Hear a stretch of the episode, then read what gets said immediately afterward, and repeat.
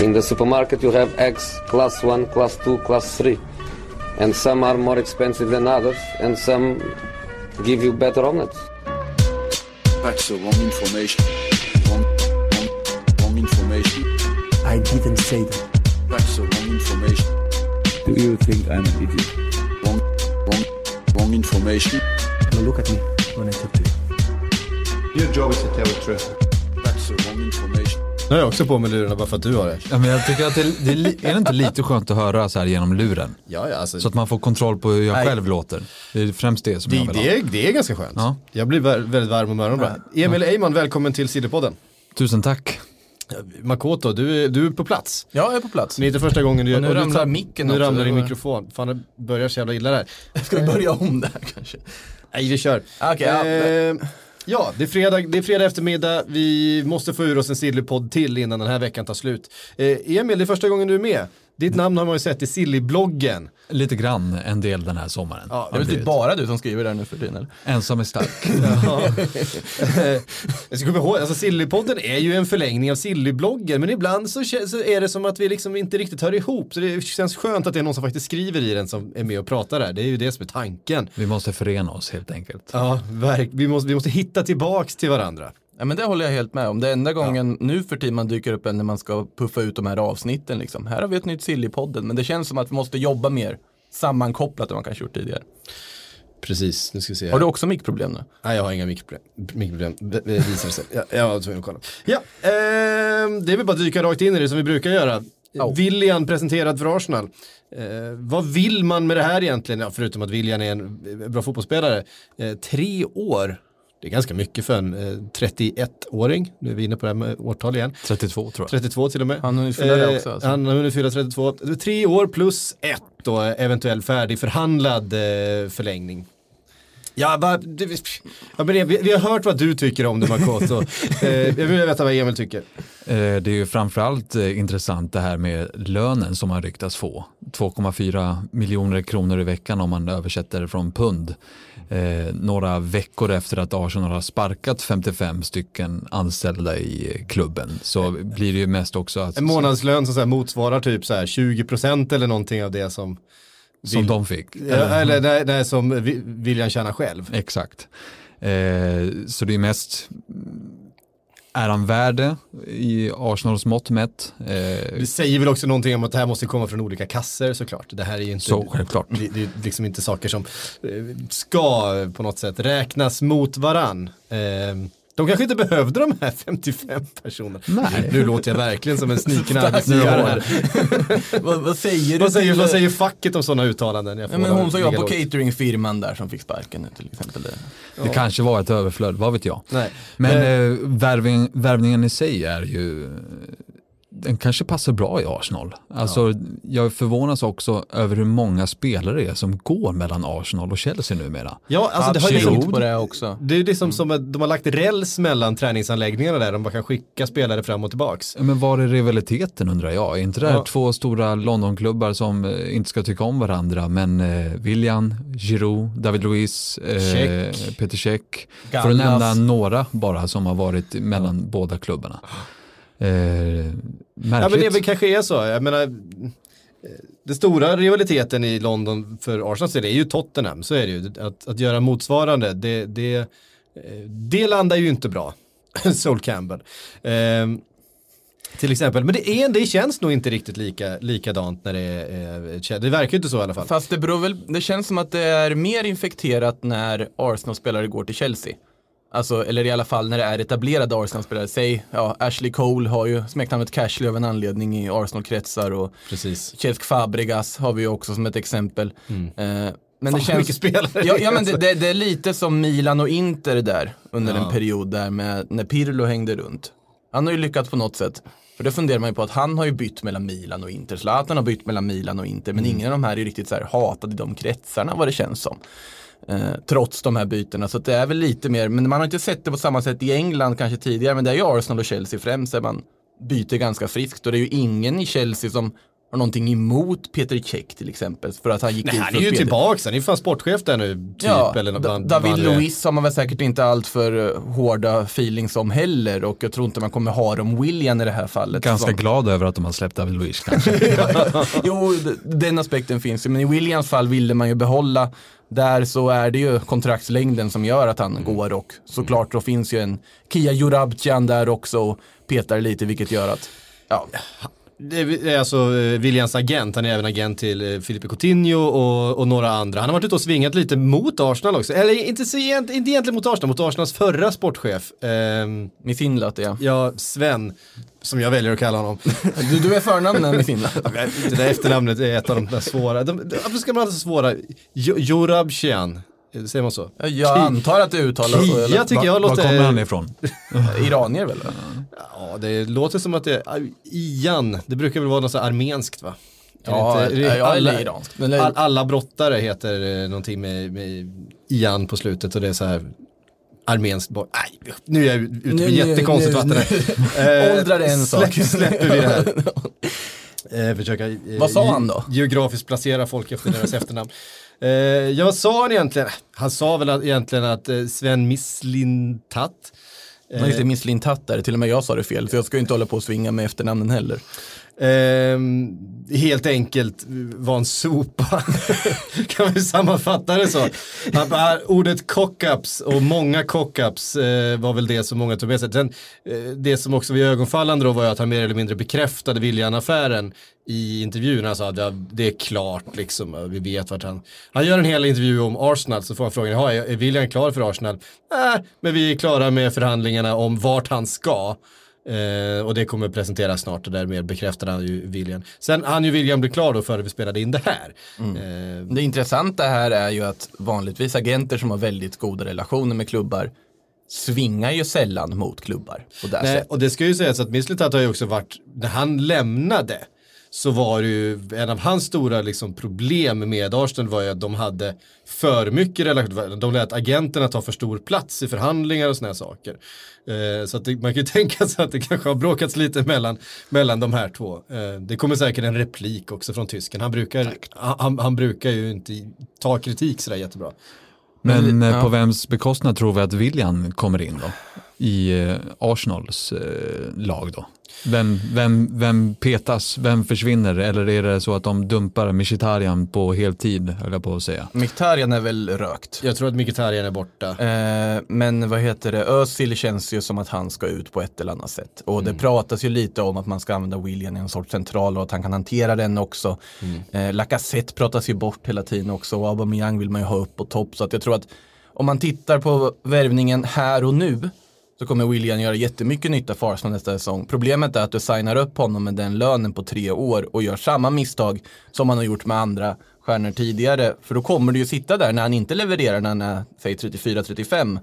Så sitter du där med den höga lönen som ja, omöjliggör att du kan liksom förnya truppen på andra sätt och vis då rent ekonomiskt. Så att man tar ju en viss risk i det. Sen tror inte jag att man hade fått, fått honom om inte han hade erbjudit dem det kontraktet och det hade väl en stor del i att han just valde Arsenal i det här fallet.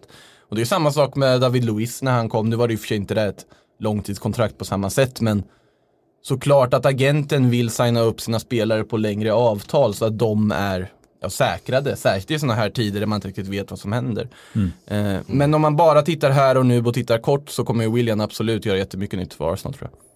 Ja, eh, nej, men det tror jag också. Det är en spelare jag tycker är väldigt mycket om. Eh, på många sätt. Jag tycker han är, är, är nästan lite underskattad. Lite temporär lirare också. Om man kommer in i en fas när han ser, ser ut att inte må så bra eller han har, eh, det känns som han är lätt påverkad var bara av det jag sett på planen och det man Ja men lite noterar. sådär hu- humörslirare såklart. Men, eh, eh, men framförallt har han behållit en snabbhet. Som ju var mycket av hans styrka liksom tidigare i karriären. Precis när han kom till Chelsea var ju det här rycket och snabbheten. Han hela tiden kunde trampa, eh, trampa runt sin, eh, sin försvarare. Den har han ju fortfarande kvar faktiskt. Eh, trots eh, sin ålder. Eh, det är inte så många, så många 32-åringar som faktiskt har rycket kvar. Eh, som han lever mycket på. Men det, det hade han under, i alla fall under förra säsongen. Vi får se om, om rycket eh, håller sig hela kontraktslängden ut. Det vill bara hoppas om han är en humörlirare att han inte liksom som många andra Arsenal-spelare har gjort eller nyförvärv har gjort, bara sjunker ihop i någon sorts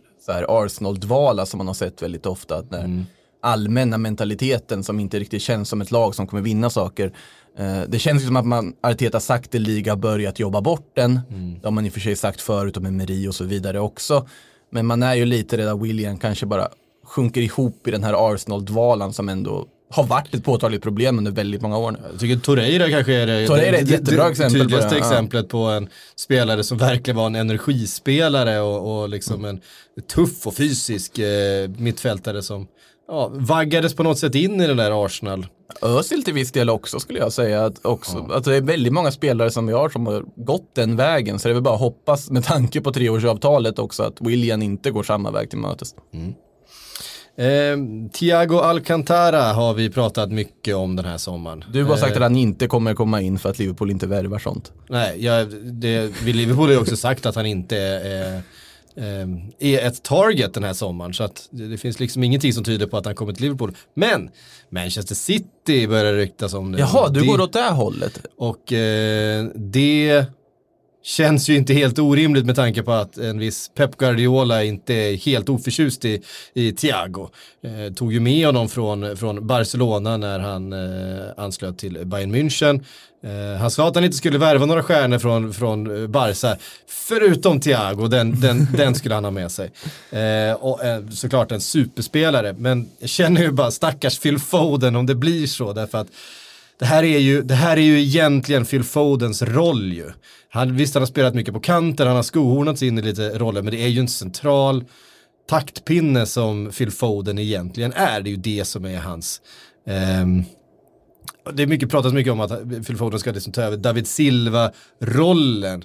Men Foden är ju inte så offensiv, han är inte riktigt, skulle jag i alla fall hävda eh, Men det är ju sin inte grund- Thiago heller. Nej, jag skulle precis säga, alltså, Men kan man det inte är ha ju ett mittfält med eh, Thiago, Foden och Fernandinho till exempel? Att, han, eh, att Gundogan stryks ut ur det centrala Och mittfältet Rodri från City. också då. Ja, Rodri eller Fernandinho, Fernandinho. då. Ja. Eh, Eller en, liksom en rotation på dem. Det, det kan man absolut se. Eh, Frågan är om det blir för defensivt. Alltså, De Bruyne ska ju in någonstans också. just det, han ja. Eh, Därför att då måste du stoppa in honom i, i anfallet i sådana fall, där, vilket han ju såklart kan hantera. Ehm, men eh, ja, det, är, det, det, är ju, det blir ju tufft för just, tror jag, Phil Foden om, om eh, så han är ju ingen, han är ju ingen utpräglad ytter, han är ju en passningsspelare, han är ju, han, den här Men jag har svårt eh, att se att boll- han ändå ska... bollskickliga tempospelaren Phil Foden som, som man vill se. Ehm, Men han kommer inte ha en ordinarie roll nästa år heller, tror inte jag. Han kommer få mer speltid, ja. Men jag har svårt att se att Guardiola skulle gå in i nästa säsong och tänka honom som en startspelare liksom från match ett. Nej, och, och grejen är också så här, är du en väldigt be, bollbegåvad, liksom passningsskicklig, kombinationsskicklig central eh, mittfältare så kommer du aldrig peta Kevin De Bruyne. Plus att rollen du får bredvid Kevin De Bruyne kommer vara en roll för att ja, maximera Kevin De Bruynes egenskaper på olika sätt. Eh, att länka med eller att täcka upp bakom, alltså men sådär va. Eh, så att det kommer ju alltid vara liksom en, en andra fjol på ett centralt mittfält eh, så länge han är där. Och det är ju frågan ifall det är den bästa rollen för, för en Phil Foden eller för en Gündogan eller en Rodri eller vem det nu än är. Alltså, eh, jag skulle inte säga att varken, varken Thiago, om han då kommer, eller Gündogan eller Phil Foden har sin bästa roll som den där ankaret, det defensiva ankaret där Fernandinho har varit. Där, där kan ju Rodri spela och där finns Fernandinho framförallt. Även om han inte har spelat där så mycket, eh, som har vikarierat i, som mittback så länge. Utan det är ju de där rollerna precis framför defensiva ankaret som det ska liksom in många spelare i sådana fall. Sen finns det en Bernardo Silva också som absolut klarar av en kantroll lika bra som en central roll. Men, men han är väl också en, egentligen, eh, Ja, fast det är väl i och för sig han... han är en offensiv mittfältare med på ett annat sätt kanske som, som eh, tar ett ännu mer offensivt eh, arbete. Men ja, jag vet inte, det, det, det känns i alla fall som att om en Thiago kommer in så är det på Phil Fodens bekostnad i första hand. Men har du sett bilduppgifterna som kom nyligen? För det var ju därför jag frågade om Liverpool, att Liverpool ändå ska ha gjort en kontakt angående Thiago med Bayern München. Ja, men det där har ju Bildt sagt skitlänge. Ja. Eh, och, Men nu var säger de flera, det igen. Det var, väl flera, det var väl flera som sa det nu också. Det var väl eh, han Fabrizio Romano, eh, journalisten, det. eh, som även hävdade att nu var det upp till Liverpool att eh, de hade lagt de ville ha 30 miljoner mm, euro, eh, ville Bayern ha. Nu var det upp till Liverpool då att eh, betala det eller erbjuda, erbjuda det de ville erbjuda för Thiago. Ja. Men, och det där tror jag nog precis som det har varit. Och jag tror att eh, helt enkelt att man jobbar så, man har en lista på olika namn, man har liksom spelmässigt vilka som skulle kunna funka. Jag är helt övertygad om att Klopp har haft personlig kontakt med Thiago också och att de är överens om, om allt det här. Men sen, det som ska till sen för i, i sättet som Liverpool jobbar är att eh, sen ska då den här eh, transferkommittén avgöra, är värdet av den här värvningen eh, i paritet med det han kostar. Och då pratar vi inte bara om övergångssumma, vi pratar också om att han redan nu har en lön som, är, som är, skulle vara den högsta i, i klubben. Alltså han skulle komma in och tjäna mer än van Dijk, mer än Mohamed Salah, vilket då skulle röra om ganska mycket för att då kommer van Dijks agent eh, dagen efter och säger hej, jag skulle vilja förhandla om den här lönen med tanke på. Precis. Och sen kommer Salas och sen kommer Mané, sen kommer Firmino, så sen kommer Alisson, så sen kommer Trent. Och sen, ja, men,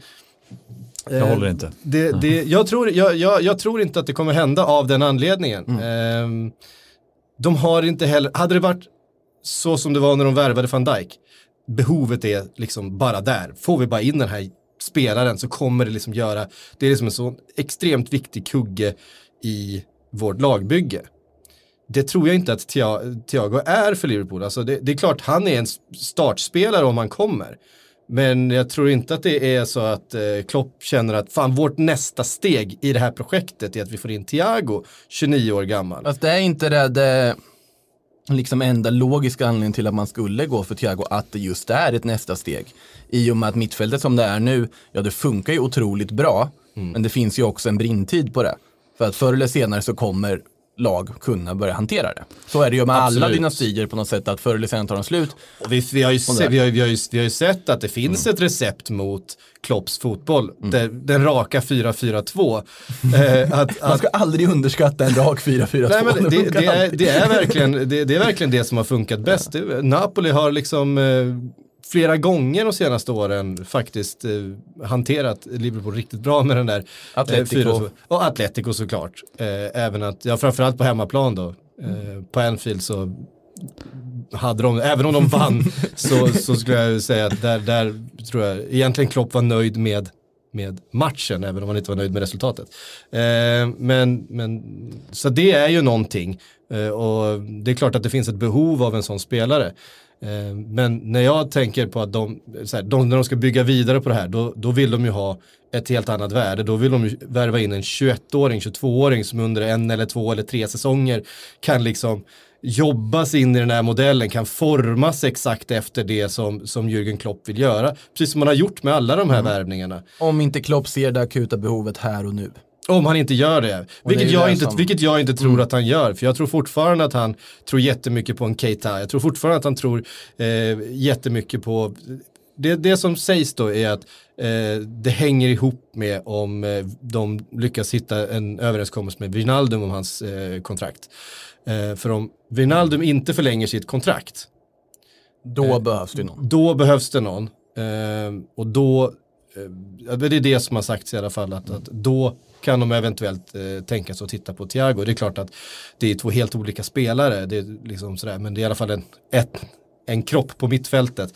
Och såklart en eh, briljant fotbollsspelare, Thiago, han är ju magisk liksom. Så att, eh, men jag tror fortfarande inte att det kommer hända. För jag tror att, jag tror att Wijnaldum kommer skriva på en förlängning. Och jag tror att eh, det är det med mittfältet med Liverpool. Jag tror inte att det kommer in någonting annat mittfältet. När du det- nämnde Liverpool tänkte jag på det. Har vi, har vi funderat över möjligheten att Guardiola vill använda Thiago som en eh, wingback och ta det här quarter wingback, quarterbacks wingbacks grejen till en helt ny nivå och lägga den på vänsterkanten? Eller Phil Foden på vänsterkanten kanske. Jag gör en Isak Bergman Johannesson-flytt där. Flytta ner honom till, för att dra en allsvensk parallell. Ehm, Inte så lyckad sådan ska tilläggas, men en annan sak. Eh, Jadon Sancho hörni. Är det ett namn som eh, vi har Är pratat om är den här sommaren? namn? Eh. Är det något nytt som har hänt eller? Ja, och det är mycket mer än att eh, Sork mer eller mindre gick ut och, och sa att nej men han stannar. Det blir ingen flytt. Nej. Ni pratade ju om det lite i förra avsnittet om Sork och Borussia Dortmund och Manchester United. Det känns ju som att eh, det här är också ett litet trick av Dortmund för att få upp den eh, massiva transfersumman som de vill ha för Sancho. För de vet ju, Manchester, Manchester grabb som vill dit kanske inte helt orimligt. Eh, men att de vet att de kan kräva Manchester United på galet mycket pengar. Men det kändes ju så där och då när han sa det. Men samtidigt så här under veckan så, alltså han spelar nu med eh, Dortmund-grabbarna där och hyllade Bellinghams första match där och såg jättebra ut han trivs så gott och så vidare. Det känns på något sätt som att det här, att United riskerar att gå in i en riktig fälla om dem. För det finns ju uppgifter på att de ska liksom stoppa allt annat för att liksom förhandla fram den här Sancho-övergången på ett eller annat sätt. Fast de egentligen i själva verket inte ens har lagt ett bud än, sägs det ju också. Eh, kan bli lite som Bruno Fernandes var under förra sommaren. När det pratades om Bruno hit och Bruno dit och det visade sig sista dagen på fönstret att vi har inte ens budat på Bruno. Han har aldrig varit aktuell liksom. Förrän vintern då när han kom sen. Eh, för det finns ju andra saker United också behöver förutom en Jadon Sancho. Så att de borde ju fundera på att kanske ändå jobba lite simultant även om de kanske fortfarande visar Sancho-intresset och ligger på lite där så. Det kan nog bli svårt att få till det. Börjar jag mer och mer tro. Det kändes så solklar grej för några veckor sedan. Men nu bara har man någon sorts känsla av det här procenttalet på sannolikheten. Det sjunker för varje dag just nu. Ja, alltså eh, kastar in en fråga då, eh, bara relaterat från Sigsack. Eh, vilken vänsterback borde United gå för? För det är ju en position där de verkligen måste värva någon. De behöver ju en ny vänsterback till ja, början på nästa säsong skulle jag säga. För att, eh, alltså Luke Shaw är bra, men han är Jag inte... tycker han, Brandon Williams är eh, mycket mer spännande än Luke Shaw och mycket bättre. Ja, och han har ju ändå visat att han inte är redo för eh, att vinna ligan. Alltså han är, han är inte redo för att vara där och utmana. Han, han kommer säkert bli jättebra på sikt. Men han har svajade rätt mycket i prestationerna under, eh, under våren och under sommaren här, eh, får man ändå säga. De behöver ha in en etablerad vänsterback. De behöver bli av med Luke Shaw skulle jag säga och låta Brandon Williams växa till sig bakom en typ Ben Chilwell.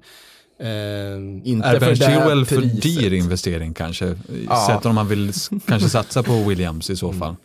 Ja, det ja. Kanske där någonting mittemellan, hitta... Jamal Lewis då som eh, Liverpool släppte in honom där också? Det är ju en kanon, eh, en kanonback. Ja, men du, men du kan inte, det kan inte bli så att man, man kan inte göra sig av med Luke Shaw och ersätta med Jamal Lewis och tänka att nu har vi förbättrat laget. Så, dålig, så dålig är inte Luke Shaw. Skulle jag, säga. jag tycker att han får lite för mycket skit på att han ska vara en sån säkerhetsrisk. Ja, han kanske inte är riktigt på par med många andra i det här laget om man tittar på pappret. Men jag tycker inte han är en så pass dålig vänsterback att det akut behöver skaffas någon. Jag tror snarare att, jag skulle säga snarare att du behöver en extra innermittfältare. Du kanske behöver ha, beroende på hur du ser på situationen med Maguire och Lindelöf, om du ska ha en mittback till. Och du behöver någon form av offensiv avlastning. Eh, vänsterbacken, jag säger inte jag att man kan vinna ligan med Luke Shaw och Brandon Williams som vänsterbacksuppsättning, men man har sett konstigare saker ske. Om vi säger det så här då, det här alternativet kan jag ha fram. Tagliafico, eh, Nicolas Tag- Tagliafico i Ajax. Han är är väl runt ja. 27-28. Ja, Eh, visat sig vara grym i Ajax och Europa League och i Champions League. verkligen. Han, Fan, han fantastisk, eh, fantastisk vänsterback. Eh, blir det fart också eh, på det? Det är ju för sig eh, Luke Shaws kanske styrka, eh, skulle jag säga. Men vi kan ju i princip nästan karbonkopiera våran diskussion vi har om Chelseas vänsterbacksfråga. För Ja. det är ju samma gubbar som är tillgängliga här också. Rogilon. Ja, Regilon precis. Eh, I Regilons fall så, nu är i och för sig Chelsea spelar väl ofta ibland med en trebacks och har lite wingback möjligheter som inte United kan köpa på samma sätt. Men Regilon funkar jättebra i en fyrbackslinje. Tagliafico är förvånad över att ha suttit i Ajax så länge som han har gjort. Borde vara aktuell. Alex Tejes pratas det allt för lite om tycker jag också i Porto. Eh, och Ben Chilwell är alltjämt för dyr om Leicester ska hålla på som de gör. Så att Ja, det är ju vansinnigt mycket pengar för Ben Chilwell. Det är ändå... han är bra, absolut. Vad är det för summa vi är uppe i där på honom nu? Ja men det är väl... väl 80? åt- ja, det 80 är miljoner pund. 80 miljoner pund någonstans. Ja. Och United sitter i en sämre sits att förhandla än vad Chelsea gör med tanke på att United har visat vad de kan betala för backar från Leicester tidigare. Så att, nej, om det ska upp i de summorna Så nej, absolut inte. Men däremot så Regilon och Tagliafico, då pratar vi ju runt 20 miljoner, 30 miljoner kanske. Real Madrid vill ju sälja Regilon. Eh, helt enkelt för att det inte finns plats för honom. Inte för att han är dålig på något sätt, utan att det finns inte plats för honom.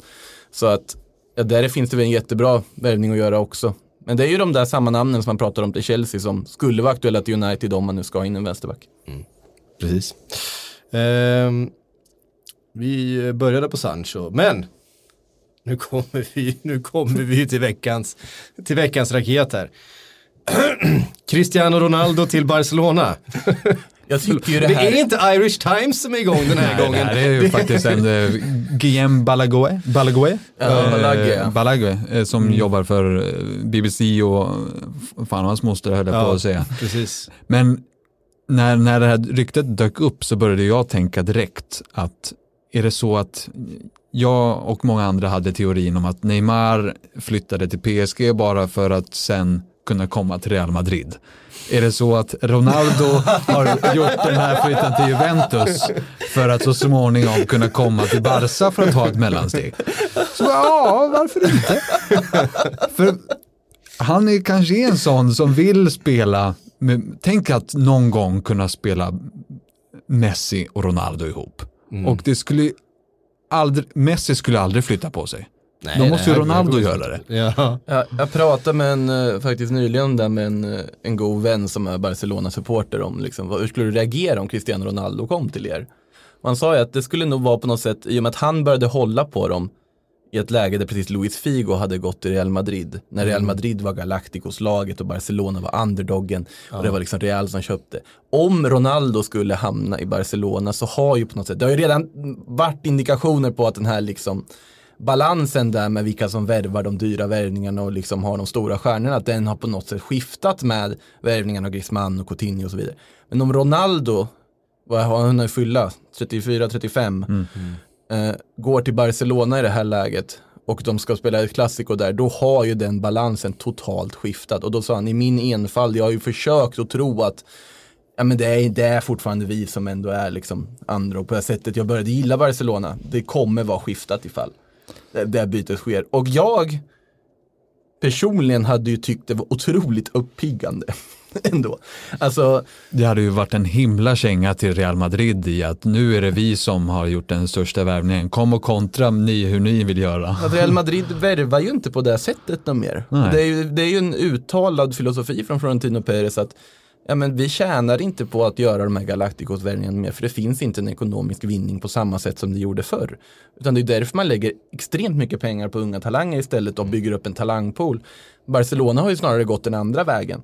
Och att få in Ronaldo, om det nu mot all förmodan skulle kunna ske, så är det det ultimata beviset på att hela den balansen har liksom ruckats om på ett ja, helt det anmärkningsvärt är också sätt. så här, ja, fan om det, det, om det händer så är ju allting upp och ner. Det finns Ja, ju just ingen, så det ju, så det ingenting ju. man någonsin har trott på stämmer. Nej. Då jag Det ska, liksom det gå ska ju i- tilläggas här, de här uppgifterna, att det är ju då Balagues uppgifter som jag har förstått dem är väl att Juventus har erbjudit Barcelona. I och med att Juventus vill bli av med den löneposten, de behöver Det är pengar. också så jävla roligt. Alltså, äh, du, Ja, men- vad, vad dyrt det blev! Va? Ja, det var ju... Räknar ni inte, noll, räknar ni inte nollorna i kontraktet ni skrev? Han har ju hög lön. Nej men då är det ju, för det pratas ju också om Dybala bort. Att de behöver göra sig av med en av dem. Dybala har varit fantastisk den här säsongen. Helt sjukt egentligen med tanke på hur säkra vi var på att han skulle lämna förra sommaren. Eh, men att man då vill bli av med Ronaldo på något sätt är ju också ja, bra jobbat liksom att sitta i den sitsen. Och då tänker man, ja, vilka skulle kunna vara dumma nog att ta över en sån här lön i det här läget? Ah, Barcelona, de har vi tradat med för. så att det, det finns ju en logik i det på så sätt. Sen har jag, jag har ju ofantligt, det måste jag lägga till här så att inte folk tror att vi sitter och tror att det här ska bli av. Det, det är ofantligt svårt att se, det finns ju en, en mikroskop, inte ens det liksom, chans att det här sker. Det ni inte vet är att det här ingick i Artur Pjanic swap-dealen. Exakt. det, kom, det, det, det var så det började. vad, vad ska ju Barca skicka åt andra hållet då? För de kommer ju vilja trada bort någonting för att ta över Ronaldo. Semedo. Rakitic plus cash. Ja, precis. Äh, nej men, eh, som sagt, det är på något sätt, även om man, ja, alla vet väl liksom vilket håll jag är åt i den här frågan om man tittar på de två klubbarna. Men jag kan inte hjälpa att tycka att det har varit fruktansvärt underhållande. Men det också, Tänker Ronaldo i den där tröjan? men, men det är alltså också att... Barca-tröjan, alltså, det går inte att föreställa sig. Jag, klar, jag löser inte ens i- liksom, i huvudet att se det ihop. Liksom. Men det är också så här, man tänker, eh, Ronaldo fyller 35 år eller har fyllt tre- 35 år. Eh, Det känns ju som att, hur många år har han kvar? Vill han, vill han verkligen avsluta Juventus? Eller är det, och vad kan han vinna i en, i en eller vill han göra som Zlatan som går till flera olika ligor och eh, vill vinna titlar lite här och var. Men det känns ju samtidigt som att, ja men, fan, nej. det, börjar- det, det, börjar- är- det är jag- också sådär, alltså, rent, rent spelmässigt så är han ju ganska mycket mer begränsad nu än man var för några år sedan. Nu är han ju liksom en boxspelare. Alltså en, en, Vilket i och för sig Barcelona behöver. Vilket, vilket visserligen Barcelona behöver. Eh, men, men det är ju det han är. Alltså för fem år sedan så hade, hade liksom, det finns inget lag i världen som inte hade haft liksom en helt given öppen dörr för Cristiano Ronaldo. Eh, men idag tror jag inte det är så riktigt. Alltså du, du måste ha liksom ett behov av Visserligen en helt jävla fantastisk målskytt, liksom. det är ju inget snack om saken. Men du måste ha det på något sätt behovet om du ska ta, sig- ta in i Cristiano Ronaldo. Sen kommer han med med en massa annat med liksom star quality och eh, sponsorer som... Ja, ja, någon tröja säljs ju. Ja, det tror, det tror precis. Ett par. Ehm, Men hur skulle ni formera eh, Barca sett till truppen ser ut idag och ni plockar in Ronaldo? Hur skulle ni formera deras fronttrio då om vi förutsätter att de kör 4-3-3?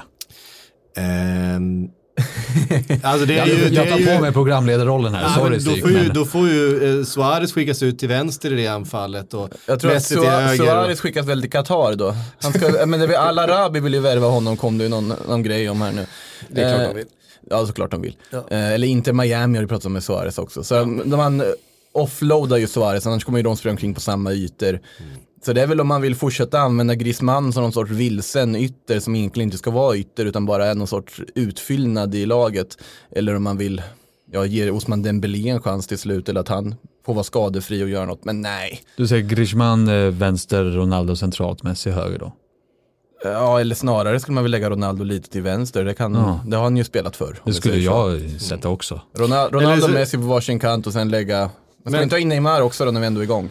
Nej, det blir för dyrt. Ja. Men så här då, vi spelar en 4-4-2 diamant med Messi i, som spets i diamanten då med Suarez och eh, Ronaldo framför. Ja, det blir väldigt jobbigt för att eh, en backlinje får aldrig, får, får aldrig slappna av i alla fall. Alltså, det har man i och för sig sett, de spelar lite så också i vissa matcher så att det är inte helt omöjligt. Nej. Men eh, jag undrar om det här är vad våra lyssnare vill ha. Nej, det tror jag inte. Så vi Det behöver var bry den oss om dem orutinerade, nu det var också. den orutinerade som tog upp frågan. Jag har hållit på med det här i sju år nu. Jag har fortfarande inte liksom, till- Begripit vad folk begripit vill vad ha. folk vill ha. Ja. Ehm, Det kommer vi nog aldrig begripa. Inter vill ha Småling. Ja, det kan man ändå begripa. Ja. Kan jag känna. Alltså, Eh, Roma vill ju köpa loss Småling efter lånet från Manchester United. Eh, Småling verkar väl av allt eh, att döma vilja vara kvar i Italien. Eh, men nu har Inter gett sig in. De har ju haft ganska bra effekt av sina Manchester United-värvningar får man säga. Lukaku är ju brutalt bra just nu i, i Inter och Ashley Young han, eh, har också varit ganska bra. ja, men alltså, han, han har inte gjort bort sig. Nej, han har Eh, gjort lite mål här och där. Ja, liksom. precis. Han, han, eh, Dykt upp i flöden. Eh, Exakt. Så varför inte in med en Chris Smalling också, som visade sig, döm av allas förvåning, var en helt okej mittback ändå. Ja, han Eh, gjorde det ju jättefint, i- har gjort en kanonsäsong i Roma och eh, såklart inte intresserade. Där vart det ju eh, Diego Godin-värvningen inte så lyckad som bland annat jag var helt övertygad om att den skulle bli. Vart den ju inte, vart det ju snarare en flopp. Eh, och samtidigt som Atletico har saknat Diego Godin, ska också tilläggas. Så det vart ju inte kul för någon det där. Nej. Men det är väl Skriniar har väl ryktats bort lite hit och dit också. Mm. Så annars är det väl Skriniar, De Vries och sen någon mer. Och då kanske en Chris Smalling inte är helt dumt. Nej, alltså, kanske det är så här att, jag menar, jag vet inte om ni kommer ihåg det, men, men eh, Chris Smalling, säsongen när han liksom kom fram, så var han ju faktiskt I Fulham eller i- Nej, i, eh, inte i Fulham, utan när han, när han gick till Manchester United, alltså första det kanske inte var hela säsongen, det var liksom första halvåret så var han liksom riktigt, riktigt bra. Jag kommer ihåg hur vi snackade upp honom i den här, eller inte i den här podden, men i Premier League-podden och, och eh, han såg ju verkligen ut att ha alla de här liksom Rio Ferdinand-kvaliteterna. Han var snabb och han var stark och han, Han fick väl spela högerback en del också då va? det är möjligt rätt. att han gjorde. Jag tror det. Ja, eh, sen så fick man ju inte se eh, så mycket utav, utav den Chris Smalling framöver. Fan, eventuellt om han har hittat tillbaks till det som man liksom, om man behövde ett, liksom ett år i, eh, i Italien för att hitta tillbaks till, eh, till sig själv på något sätt och få det där sista utvecklingssteget som man liksom aldrig lyckades ta. Kanske behövde lite tid ifrån Phil Jones helt enkelt för att, eh, för att det skulle släppa. Men det beror väl också på ve- vem man det- bildar mittbackspar med. Synkar, eller att man synkar ihop och man funkar ihop och Ja. att det är liksom Eh, han är väl inte den mest passningssäkre eh, Chris Nej, han ju utan han inte. behöver någon som är passningssäker bredvid sig och finns det så funkar det och sen trygghet och ja, det är kändes inte som att var den bästa av harmoni i Manchester United heller Nej, när alltså, han det är ju verkligen så här att under de åren han har varit i Manchester United har det varit liksom ett ganska dysfunktionellt lag, Mm. vilket det mer och mer ser ut att, eh, att fungera bättre. Kanske är det läge för Manchester United att plocka hem Chris Smalling igen och ge honom en till chans i mittförsvaret bredvid en, bredvid Harry Maguire till exempel. Ehm, ja, på bekostnad av Lindelöf. För jag har ändå svårt att se Lindelöf och Smalling som... eh, Nej, det blir väl inte, de, de behöver ju, det har vi pratat om också här inne förut tror jag, att de behöver ju någon form av fysik och styrka och liksom nicksäkerhet och allt möjligt. Och det har ju, det har ju Chris Smalling. Ja, ja, i och för sig det har den ju också, men jag, vet inte, jag tror att i mittbacksfall så är det ju ofta så att det kan ju också vara vilken liga du spelar i gör väldigt mycket för hur bra du funkar. Vissa mittbackar funkar utmärkt i vissa ligor och andra gör det inte. Det är därför till exempel, jag har pratat mycket om Diego Carlos i Sevilla.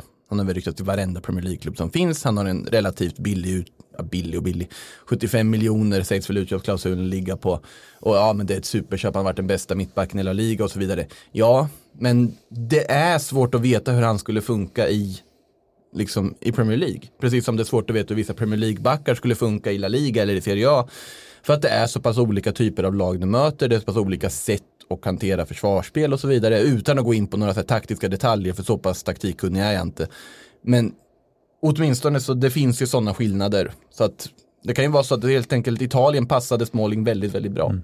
Alltså på tal om eh, utköpsklausuler och mittbackar. Jag har för mig att jag såg i mitt flöde igår eller i natt eller i morse att eh, Leipzig, Upamecano, hade någon klausul som eh, slog, hade till, nä, slog till nästa år. Har han försvunnit nu? Men grejen var att han hade ju en klausul som låg nu. Ja. Men, och det, ja, efter hans insats emot uh, Atletico här nu så kan jag väl säga I told you so med tanke på hur många gånger man har sagt, nämnt Upameccanos namn och sagt att varför tittar ingen på honom.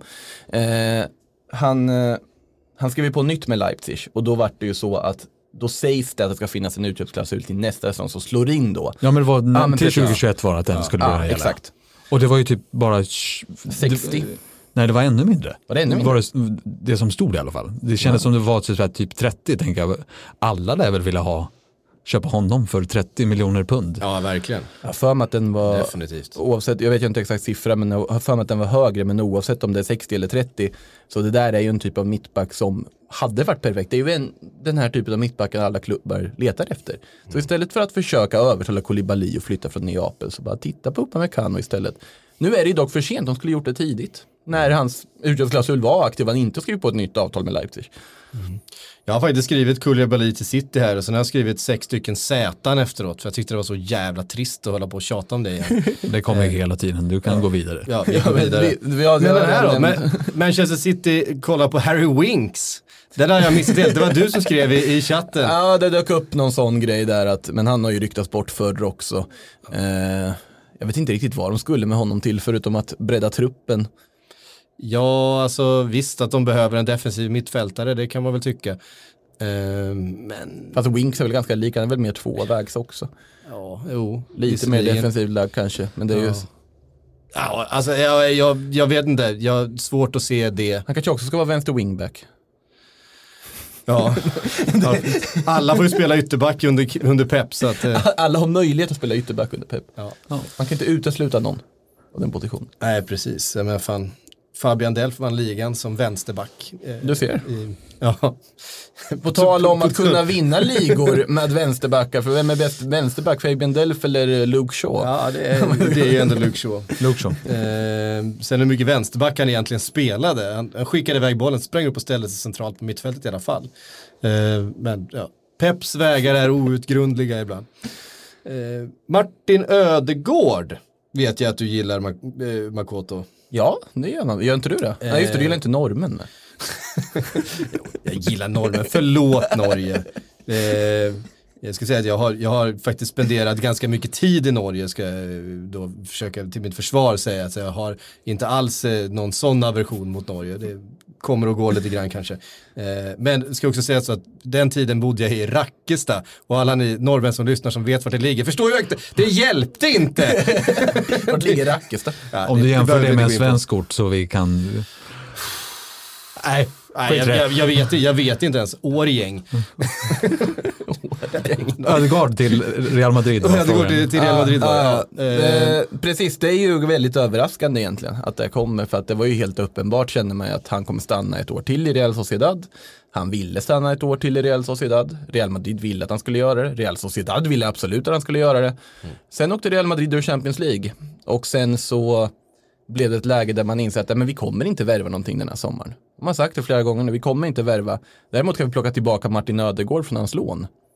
Eh, Så att den här gentleman's agreement har ju brutits. Eh, Real Sociedad skrev ett otroligt känslomässigt liksom farvälmeddelande på sociala medier här också där att du var bara här ett år men vi kommer alltid minnas dig lite så kort sammanfattat. Eh, där man un- tänker då direkt att då måste ju Zidane tänka att han ska in och spela redan nu. Eller åtminstone Ja, hoppas man ju att han tänker så. För annars så känns det ju otroligt tråkigt om Ödegård skulle hamna på en bänk med tanke på hur otroligt bra han har varit under förra säsongen. Ja, men det, han ska väl in och spela. Ja, då är det väl Modric som ska ut då. Det, Eller bänkas. ja, precis. Snarare Det, det, han kanske inte heller har liksom 40 matcher i benen längre, Luka Modric. Nej. Har man inte fått den, fått den känslan under senaste säsongen? Jo, jo, sen har du ju Fede Valverde där också, du har Toni Kroos. Casemiro flyttar du inte på, han måste ju vara där liksom. Men det är ju de två mittfältspositionerna framför honom. Om man inte ska spela Ödegård till höger, Hazard Benz. Det är ju inte heller helt omöjligt. Men det är väl så att han har gjort en så bra säsong i Real Sociedad så att, så att han börjar kännas mer och mer som ett ämne för Real Madrid. Jo, det har han ju absolut gjort. Men sen är ju frågan ändå att du kan ha gjort väldigt bra säsonger i La Liga och sen när du väl kommer till Real Madrid så blir det en annan sak. För det är inte lika lätt att slå sig in i en startelva där Självklart. oavsett hur bra det har varit i princip.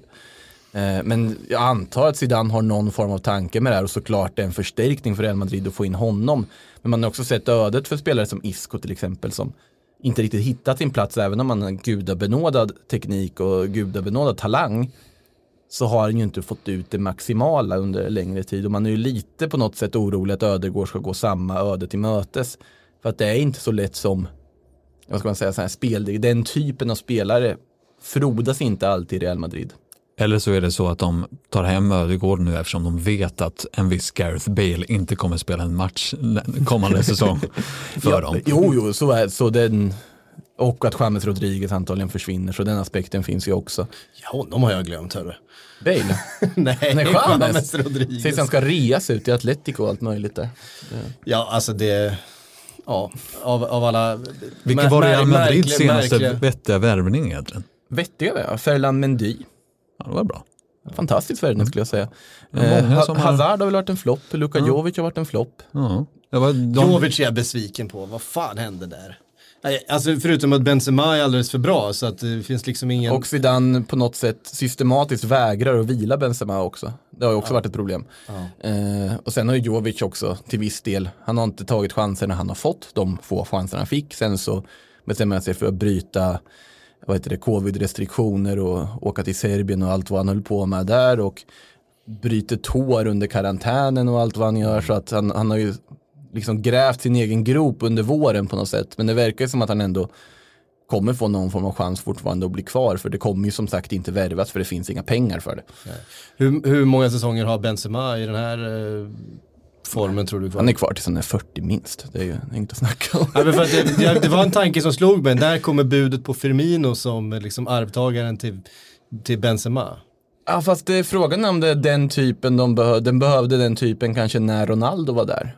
Nu har du ju inte samma Nej. spelare som det behöver- kändes, det kändes, alltså om det är någon som ska på något sätt ha en liknande roll och göra Absolut, en... li- absolut. Alltså så här, så finns det inte så många eh, på något sätt den där... Sen liksom- har ju Benzemas rollbeskrivning har ju förändrats med att just ju. Ronaldo försvunnit och Bale spelar golf.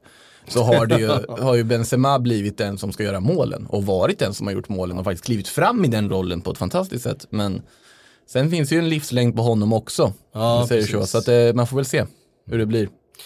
Ehm, Makoto, du får fortsätta prata.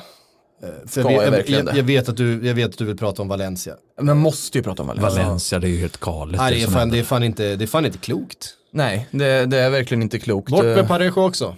Parejo och Coquelin bort, tjoff tjoff sa det. Ja, tjoff tjoff sa det verkligen och det som är så bisarrt med hela, jag kan förstå på något sätt att man vill förnya till att börja med. Jag förstår att det kan finnas ekonomiska bekymmer som gör att man är tvungna att sälja.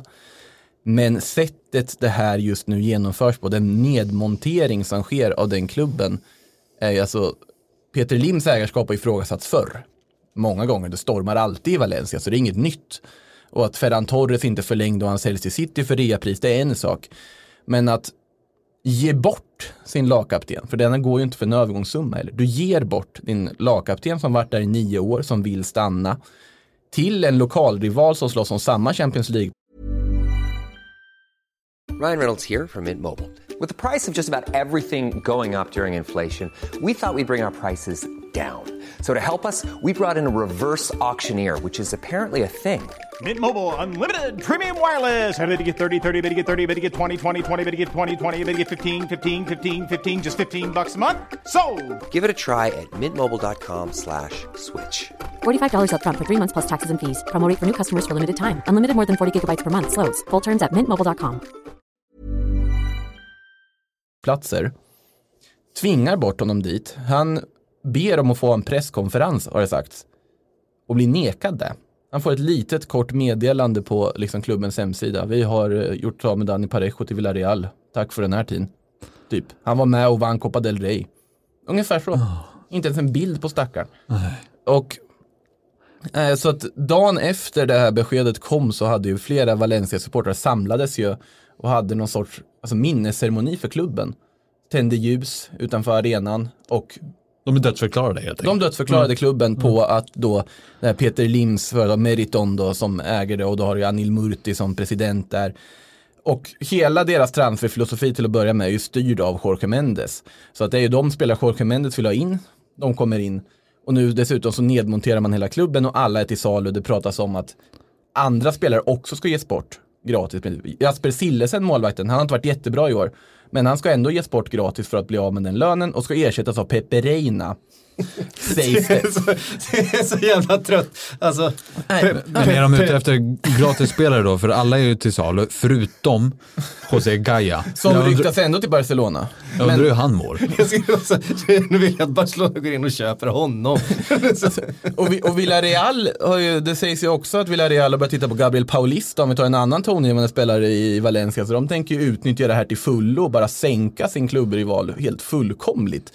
Och det som sker i Valencia nu är bara rent ut sagt tragiskt för att det, jag tycker det är ganska kul när det stormar där. Det, det är underhållande och man, det är kul att följa Valencia på så sätt från ett utanför perspektiv.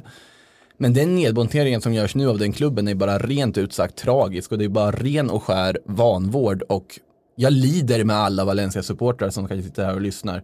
Erik Avebäck om du hör mig till exempel, vår gamla kollega. Men nej, det är fruktansvärt tragiskt det som sker just nu. Man bara hoppas att de blir av med Peter Lim-styret på ett eller annat sätt. Det var väldigt kul när vi la ut det här inlägget i Silverbloggen så var det en som kommenterade direkt.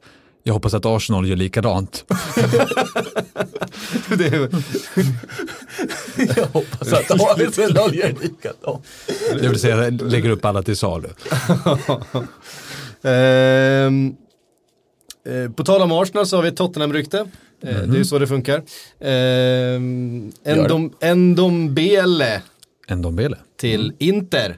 Eh, ska har vara i en hel del i sommar. Ja, för, ska vara i, i någon slags, eller har i alla fall tidigare haft någon slags samtal om Ndombele. Inter vill avsluta sin säsong sägs det. Eh, Europa League-slutspelet här och sen eh, så ska man ha siktet inställt på en Dombele och eh, Mourinho lär ju vara sugen på att eh, få in lite slantar där istället. Då har de ju redan plockat in då dessutom Höjbjerg som, eh, som en ersättare kan man tänka sig. Eh, spelar ju på eh, liknande position. Eh, Det verkar som, in, verkar som inte det på central defensiv jakt. Eh, från, eller mittfältarjakt i alla fall. För det dök upp även något rykte idag om att eh, Kanté även var ett ämne för Conte som han gärna, gärna skulle vilja Ja, det, värva från kopplingen drar man ju ganska, den Ja, vill ja, man ju dra.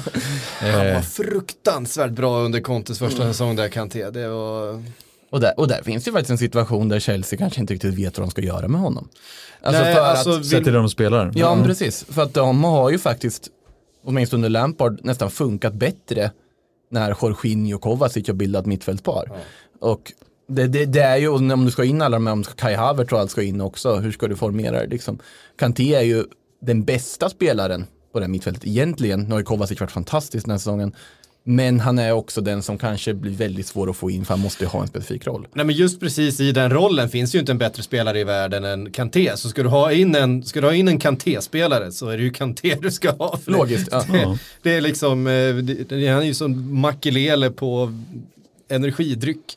Ehm, och nu dessutom har han ju visat upp, han har ju faktiskt utvecklats de senaste åren även om han har spelat på fel position så har han ju också visat upp offensiva kvaliteter som han kanske inte hade under eh, sina första år, liksom i, i, eller första år, men under åren i, i Leicester och första tiden i, i Chelsea, han har faktiskt utvecklats så kan han då hitta en roll där han eh, verkligen får spela på sin bästa position, då är han ju då är jag absolut världsklass. Liksom. Men om man tänker Inters jakt där så känns det ju logiskt att de behöver få in en tvåvägsspelare i alla fall. Och det skulle jag väl säga om Juventus också, om vi ändå håller oss i Italien, att de skulle också behöva ha den typen. Eh, Ndombele, ja det har inte gått bra i Tottenham direkt under hans år där, men jag tror fortfarande att det är en spelare som skulle kunna göra väldigt mycket nytta både för Juventus eller för Inter till exempel. Båda de lagen är ju i behov av den typen av spelare verkligen. Skulle jag säga till dem mittfälten på det sättet de spelar också. Men en, en Dombele måste bara ha kommit fel efter sitt första år flytt till England. Vi får väl se det i dokumentären snart. Ja, premiär 31 augusti. Spännande. Eh, vet ni vad, vi måste svara på lite frågor också eftersom det föll bort eh, förra veckan när jag satt här och, Kör. och jag har hållit stenkoll på vår, vår teknik idag. Jag såg att du tog bort eh, vad heter, det, skärmsläckaren som Ja, brukar ligga på skärmen. jag så. blir, blir så nervös när jag håller på så här. Det, det, eh, Ska det stå error där? ja, precis. Eh, Dennis Gooner skriver, Zaha har jobbat hårt på en flytt till Arsenal med hjälp av alla knep i Silly-handboken. Det jag väl säkert sett också från nattklubben där. Eh, Zaha to Arsenal. Zaha till Arsenal. Fast som- han har inte kört bilen till träningsanläggningen än. Nej, så att alla precis. knep har han inte använt. Det var ju kanske inte ett knep heller. Utan det Desperation. Sista, sista drag. Oden Winge. eh, liksom, Hallå! Ehm, ja, det blev ju ingenting den gången. Nej, men ni har säkert sett de här bilderna från nattklubben. Eh, och det, det var ju en DJ som så, oh shit, fan, nu är ju Zaha är, är här på dansgolvet. Vi måste så här, som antagligen var en Arsenal-supporter, eh, skrev in det och tyckte Zaha det var en kul grej.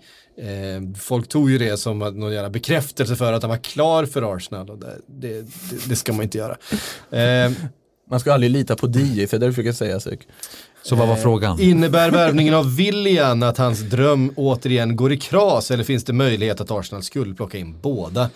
Eh, jag har svårt att se att Arsenal plockar in eh, Wilfried Zaha i det här fönstret. Positionellt, om man bara tittar, om man bortser från alla ekonomiska faktorer och sånt, så kan jag ju se behovet av att få in en till ytter. Men jag har väldigt svårt att se att Arsenal ska betala de pengar som krävs för att plocka in Wilfred Zaha nu. Eller att de identifierar honom som så pass bra att lägga de pengarna på honom. För han har ju faktiskt helt ärligt inte varit lika bra den här säsongen. Nej, det har han ju verkligen inte varit. Han kan ju inte ha höjt sig värde sen senast. nej. Direkt.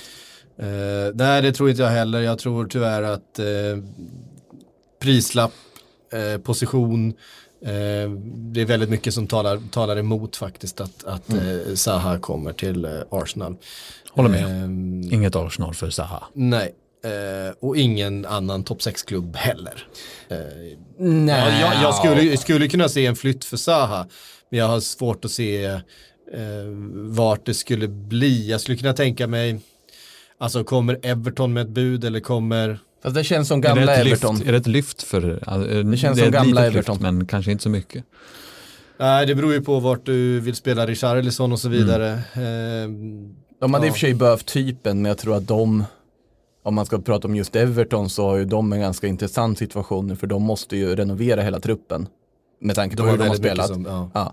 Men de har redan spenderat väldigt mycket pengar, vilket gör att de inte har jättemycket att röra sig med.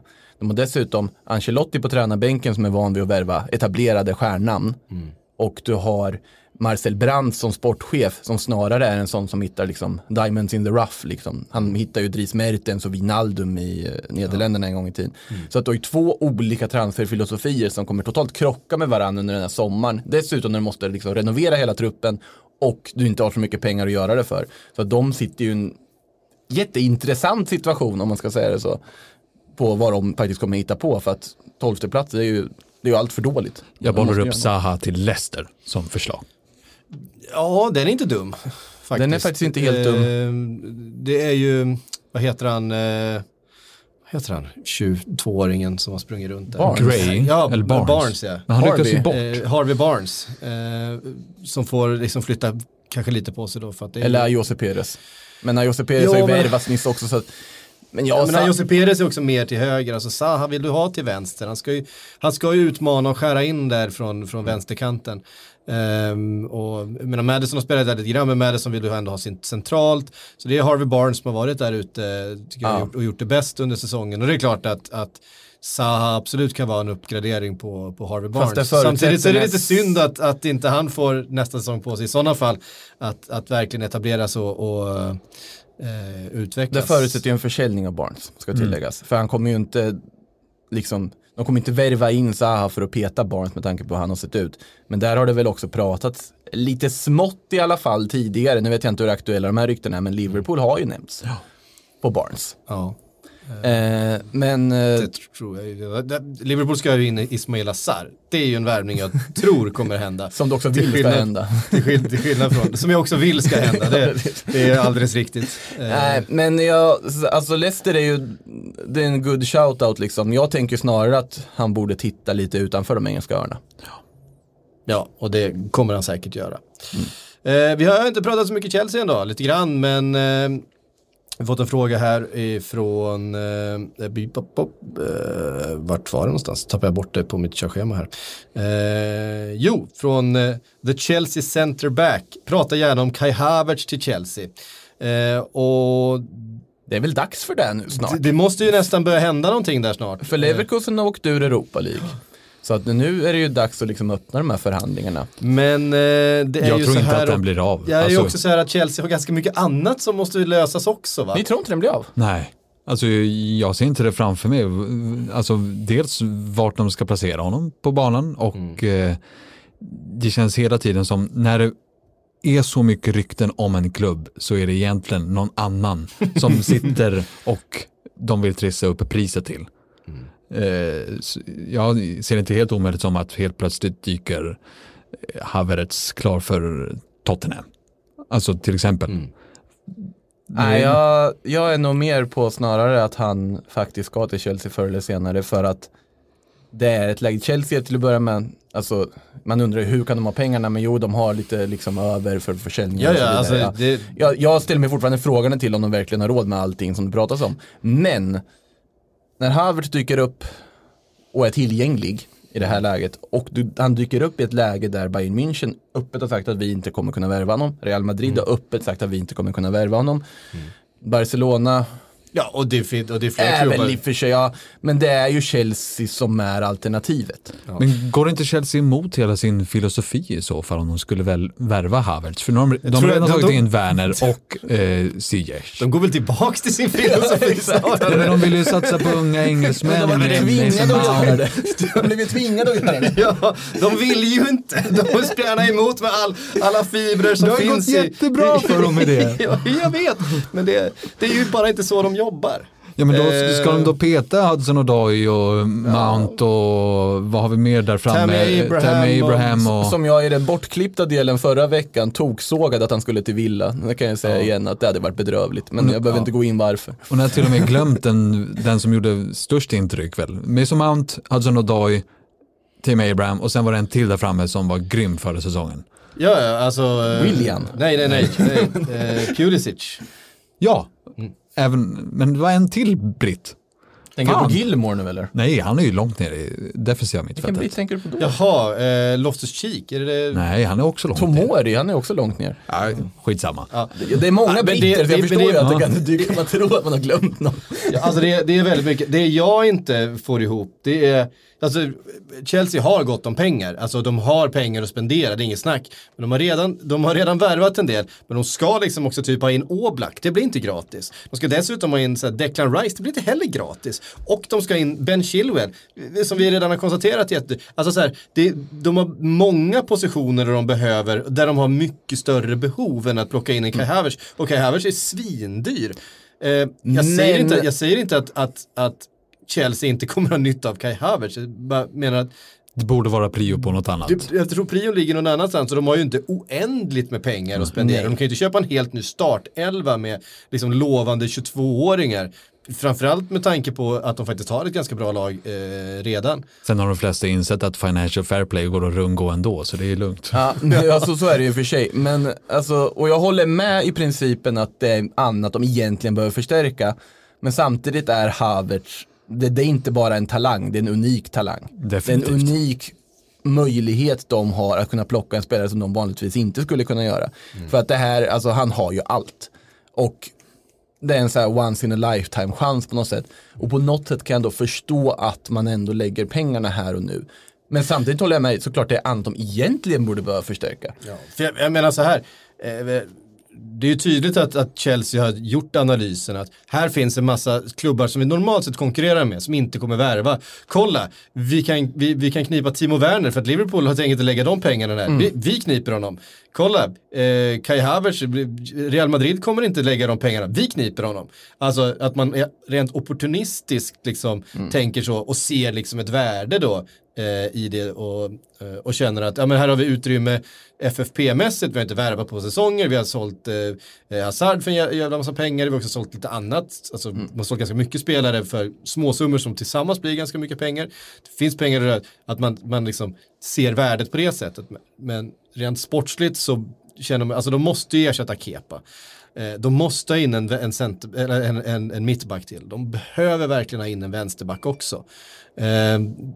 Ja, det, ja, vi får se. Det kanske blir Kai Havertz det första som händer här efter, eh, Säkert. efter vi har Sen- klivit, klivit ut från den här studion. Sen kan man ju säga så här att vi har ju sett mer dysfunktionella Galactico-projekt än där Chelsea håller på med ifall de skulle värva Havertz och ingenting. För att jag har ju sett lag som har värvat superstjärnor och sen spelat juniorer som back. Det har ju inte funkat så bra. Men jag, jag, jag ser ändå att, ja såklart de behöver alla de här sakerna vi pratar om, men om de får chansen att värva Havertz så kör bara. Och jag tror att den blir av. Ja. Yes. Jag är Eh, nyfiken på nästa fråga. Ja, du. Eh, det var en fråga som dök upp till förra veckan som eh, inte kom med då. Ehm, den är från Nico. Har Arsenal, en, har Arsenal en sportchef och hur svårt kan det vara att fatta att en mittback måste in? Kia Jorabcian heter han. Nej, men Ja, jag vet inte vilka mittbackar han har i sitt de, stall. de, har, de, har en, de har en sportchef. Eh, Saleh. Jag, vet inte exakt vart konsonanterna ligger i det namnet. måste jag Sel- säga. Selehi. Saleh, ja. Ja, det är det där med efternamn. Ehm, och jag tror han är fullt medveten om att en mittback måste in, men han är inte, de är inte det enda laget i världen som har identifierat att, mitt, att en mittback måste in.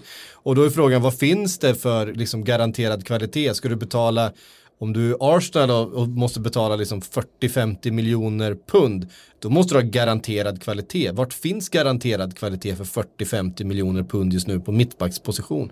Det Ja, fanns. är inte så, det du, Upamecano. Det fanns. Men de har väl redan en eh, på en gång eh, som de värvade redan i fjol. Ja. William Saliba. Saliba. Saliba. Ja, Saliba, fast det är ju ja. ingen garanterad kvalitet. Nej, men han är ju, det är ju någonting. ja, det, Han är ung, han är fransman. Men det, det, är en, det, är en, det är en mittback, det är Ja. helt riktigt. Eh, men eh, det måste, vi in någon, det måste bli in en mittback till, det är väl ganska många överens om. Ehm, och ja, eh, det är svårt att hitta dem. Det är svårt att värva mittbackar, så är det bara. Jag tror att det är mest det. Annars så tror jag vi hade sett eh, Chelsea köpte en mittback för det här laget. Jag tror vi hade sett Liverpool köpt en ny mittback för det här laget. För de är också på den eh, marknaden. Och Arsenal hade definitivt gjort det. Eh, Fertongen har lämnat eh, Tottenham. Jag tror att Verkar de gå också... till Benfica. Ja, det är intressant det de håller på med där borta. Vi får se när Cavani blir officiell där också. Ja, precis. Eh, Fertongen är ju klar för Benfica. Eh, det kanske vi kunde ha nämnt tidigare i programmet. Men nu Är kommer officiellt istället klar? i, i Är en, han officiellt klar? eh, Jag tror det. Spännande. Vi såg, eh, vi såg det passera alldeles eh, förut idag. Så jag liksom skulle ha med det. Eh, men glömde bort det. Eh, s- ehm, Kanske bara var håller en på. bild att det var på gång, att det var Ja. nära. Ja, ja, det kanske var så. Det är väldigt nära i alla fall. Det är väldigt Det nära. verkar bli av i alla Ja, fall. precis. Eh, men sådär, så att eh, det, de behöver också liksom leta en ny, ny mittback. City behöver en ny, United behöver en ny, alltså så här, varenda, varenda lag behöver en ny mittback. Och, Ja, och det, det- finns inte, finns inte tillräckligt bra mittbackar till alla. Eh, det, är väl, det är väl det som är helt enkelt kruxet i det här. Det, är ju då, det är väl, ligger i grund och botten att man har så enorma krav på en mittback numera. Jämfört med hur det, hur det brukar vara eller hur- vad det var förr. Rensa bollen var tanken förut. Nu ska de vara eh, nästan spelgenier och kunna eh, skapa det ena anfallet efter det andra. Eh, Så det är därför det är svårt. Och det är bara att kolla, det är bara att kolla hur många har eh, Pep värvat sedan han kom till City. Ja, bara där under sina år så är de nu 4-5, vad är det, för 40 miljoner styck. Men det är, ju- det är ju precis som du säger, det problemet, problemet idag liksom för alla de här lagen som letar mittbackar, det finns ju bra mittbackar, det gör det. Men de här lagen letar ju mittbackar som kan leda ett försvar. Och då hamnar ju den här diskussionen hur många finns det? Ja det finns en Koulibaly, Ja. det finns Upamecano.